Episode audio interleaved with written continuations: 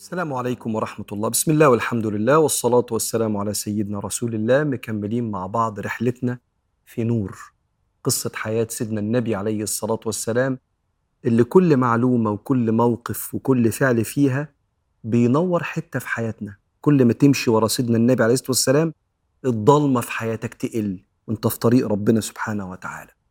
والنهاردة هبدأ مع حضراتكم أسعد لحظات البشرية على الإطلاق. وهي اتصال السماء بالأرض ونزول الوحي جبريل على سيدنا محمد عليه الصلاة والسلام. سيدنا محمد بقى له فترة بيمشي في مكة بيسمع الحجر بيقول له السلام عليك يا رسول الله. المشركين عامة في العرب عارفين إن في إله للكون لكن كانوا بيعبدوا معاه أصنام أخرى فاكرين إن هم بينفعوا ويضروا مع الله فتسموا مشركين، الأنبياء مش كده، مفيش نبي عدت عليه لحظة شرك في حياته فسيدنا النبي يعرف الله سبحانه وتعالى وكأن مع الرؤية الصادقة كل شوية يحلم يشوف الحلم بيتحقق قدامه وسلام الحجارة عليه والشجر السلام عليك يا رسول الله. فإذا بقلب النبي يتهيأ لاستقبال الشيء عن ربنا سبحانه وتعالى. وده تفسير العلماء للآية ووجدك ضالا فهدى. أنا كنت ضال يعني كنت عاصي لكن لما يتقال على النبي وجدك ضالا مش يعني عاصي حاشاه. إنما الضلال هنا هو أعلى درجات المحبة. يسمى الشخص الذي أحب شيئا وتعلق به الضال. تفتكر لما ولاد سيدنا يعقوب اتكلموا عن تعلق سيدنا يعقوب بيوسف فقالوا إن أبانا لفي ضلال مبين. والستات قالوا على مرات العزيز آه تراود فتاها عن نفسه قد شغفها حبا أنا لنراها في ضلال مبين.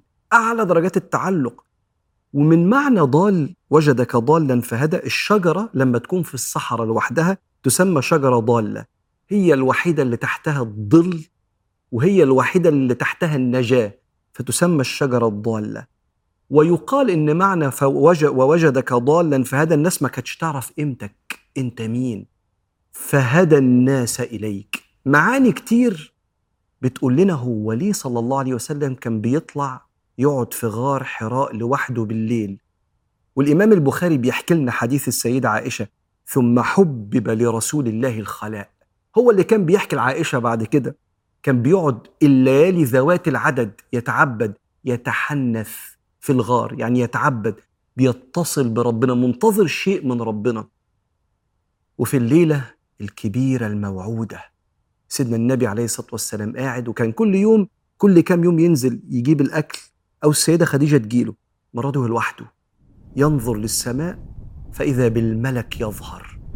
بره البخاري الحديث بيقول يسد الأفق له 600 جناح ونزل على سيدنا النبي عليه الصلاة والسلام. فأول ما نزل على النبي غطاه يعني زي ضمه كده. ثم أرسل أرسلني قال اقرأ. قلت ما أنا بقارئ. فغطني المرة الثانية حتى بلغ مني الجهد كأني مش قادر أخذ نفسي كده. ثم أرسلني قال اقرأ. قلت ما أنا بقارئ. فغطني الثالثة ثم أرسلني قال اقرأ. قلت وما أقرأ؟ طب قل لي طيب أقرأ إيه؟ قال اقرأ باسم ربك الذي خلق. خلق الإنسان من علق. اقرأ وربك الأكرم. أدي أول صفة عرفناها عن ربنا. الذي علم بالقلم علم الإنسان ما لم يعلم. وراح الملك. الذين يؤمنون بالغيب. أول صفة في صفات المؤمنين الإيمان بالغيب اللي منه الملائكة. أشهد بصدق الله ورسوله. نزل سيدنا النبي يقول كده يرجف بها فؤاده. هو مش خايف يكون ده جن ولا حاجة زي ما بعض الناس بتقول لأ. هو سيدنا النبي يرجف فؤاده من ثقل التكليف. دخل على السيدة خديجة عنده عمه أبو طالب وحبيبه عنده صاحبه المقرب أبو بكر. راح لمراته صاحبته ومأواه صلى الله عليه وسلم. أول ما دخل عليها قال لها لقد خشيت على نفسي. خشيت هنا يعني خشيت من ثقل تكليف ربنا. قالت له اللي زيك مش هيضيع وربنا هيعينه كلا. والله لا يخزيك الله أبدا. إنك لتصل الرحم وتحمل الكل وتقري الضيف وتعين على نوائب الدهر. بقى انت ربنا يسيبك وما يعينكش على التكليف. ده أنت اللي ما بيسألش عنك من قرايبك أنت اللي بتسأل عليه. تصل الرحم وتحمل الكل. الضعيف بتقف وتسنده في الدنيا لغاية ما يعرف يشوف حاله ويشوف مصلحته وأنت اللي جنبه دايما. وتقري الضيف. لما بيجي لك ضيوف بتبقى كريم ويطلعوا شبعانين من عندك وتعين على نوائب الدهر اللي عنده مصيبة في أيامه أنت أول واحد بتقف جنبه وتسنده. اللي زيك معين ربنا هيعينه. وخدت سيدنا النبي قلت له تعال نروح لابن عمي ورقة بن نوفل. وكان يقرأ الإنجيل ويكتبه بالعبرانية وعارف ما هو مكتوب. فراح قال له أنا شفت كذا وكذا. قال له هذا هو الناموس الأعظم الذي نزل على موسى. الناموس يعني رسول الخير. أيوه إحنا عارفين الموضوع ده مكتوب عندنا في الإنجيل. نزل على سيدنا موسى الناموس الأعظم. يا ليتني فيها جذعا. ورقة بن نوفل بيقولوا كده ابن عم السيدة خديجة. يا ليتني فيها جذعا يعني قوي. إذ يخرجك قومك. قال أو مخرجي هم هيطردوني من البلد؟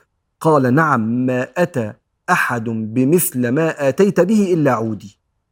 وعدت أسابيع قليلة ومات ورقه بن نوفل. إزاي في مشهد كبير زي ده في حياة سيدنا رسول الله إنه يكلف بالنبوة ويشوف سيدنا جبريل يسد السماء ملك أول مرة؟ ما يروحش لعمه أبو طالب اللي طول عمره هو اللي مربيه وهو اللي في ظهره هو سيد الرجالة برضه في مكة يعني. أو يروح لسيد سيد الرجالة صاحبه المقرب أبو بكر الصديق ليه ساب كل العقول الكاملة دي؟ وراح لمراته. هي السيدة خديجة كان عندها إيه من نور؟ تنور لكل الستات بيوتها بيه خلتها ملجأ جوزها. لو أنت خدت بالك في كده كلمة كده عند المتخصصين في العلوم النفسية اسمها ال validation ال validation إن أنا لما حد يجي يحكي لي حاجة ما أقعدش أنظر عليه وأنصحه وأغلطه في حاجات عملها قال يعني أنا واخد بالي من مصلحته فبس عايز أوجهه خالص. بالذات لو كان مهزوز أو عنده مشكلة أو قلقان من حاجة أبقى جنبه بمشاعري أحس بيه أقول له اللي أنت حاسس بيه أنا كمان حاسس بيه أنا فاهمك. سيدنا محمد عليه الصلاة والسلام يبدو إن ده طبع السيدة خديجة. فلما حصل له الموضوع الكبير ده هو مين اللي يفهمني أكتر حد في الدنيا؟ مراتي. وعلى فكرة صح. أول ما راح لها وقال لها كده إيه اللي ممكن يتقال ما هو انت بتقعد في الضلمة كتير لوحدك ما انت سايبنا بقالك شهور طويلة. قالت له اللي زيك ما يضيعش. كلا والله لا يخزيك الله أبدا. وبدأت تجيب له تاريخه المنور مع الناس. واللي زيك كده مع الناس ربنا هيأيده. انت بتصل الرحم تحمل الكل تقري الضيف تعينه على نوائب الدهر. وبالتالي البني آدم لو نفسه إن هو يكون ملجأ لو الراجل عايز يبقى ملجأ مراته أو الست ملجأ جوزها النصيحة في غير وقتها بتبقى تقيلة قوي على القلب وبتعمل نقطة سودة كده بتخلي الشخص المرة الجاية لما يحصل له أزمة أو لما يبقى في حاجة شاغلة شاغلة باله أنا مش قادر حد ينظر عليا الصراحة. فانا أروح أحكي لحد يحس بيا أكتر ما حد ينصحني أنا مش عايز حد ينصحني. أنا عايز أفضفض وتسمعني وتطمني وبعدين نبقى نتناصح بعد كده. لأن البني آدم في كتير من الأوقات بينسى المعلومات ويفتكر الشعور اللي أنت اديتهوله وده اللي عملته ستنا خديجة. وبعدين بقت جزء على طول من الحركة للأمام جزء من الحل. تعالى معايا نروح لابن عمي ده مثقف في موضوع الوحي وقارئ نسأله إيه اللي ممكن يتعمل الخطوة اللي جاية. فعلا السيدة خديجة نور لكل ست ونور حتى لكل راجل يتعلم من أخلاقها.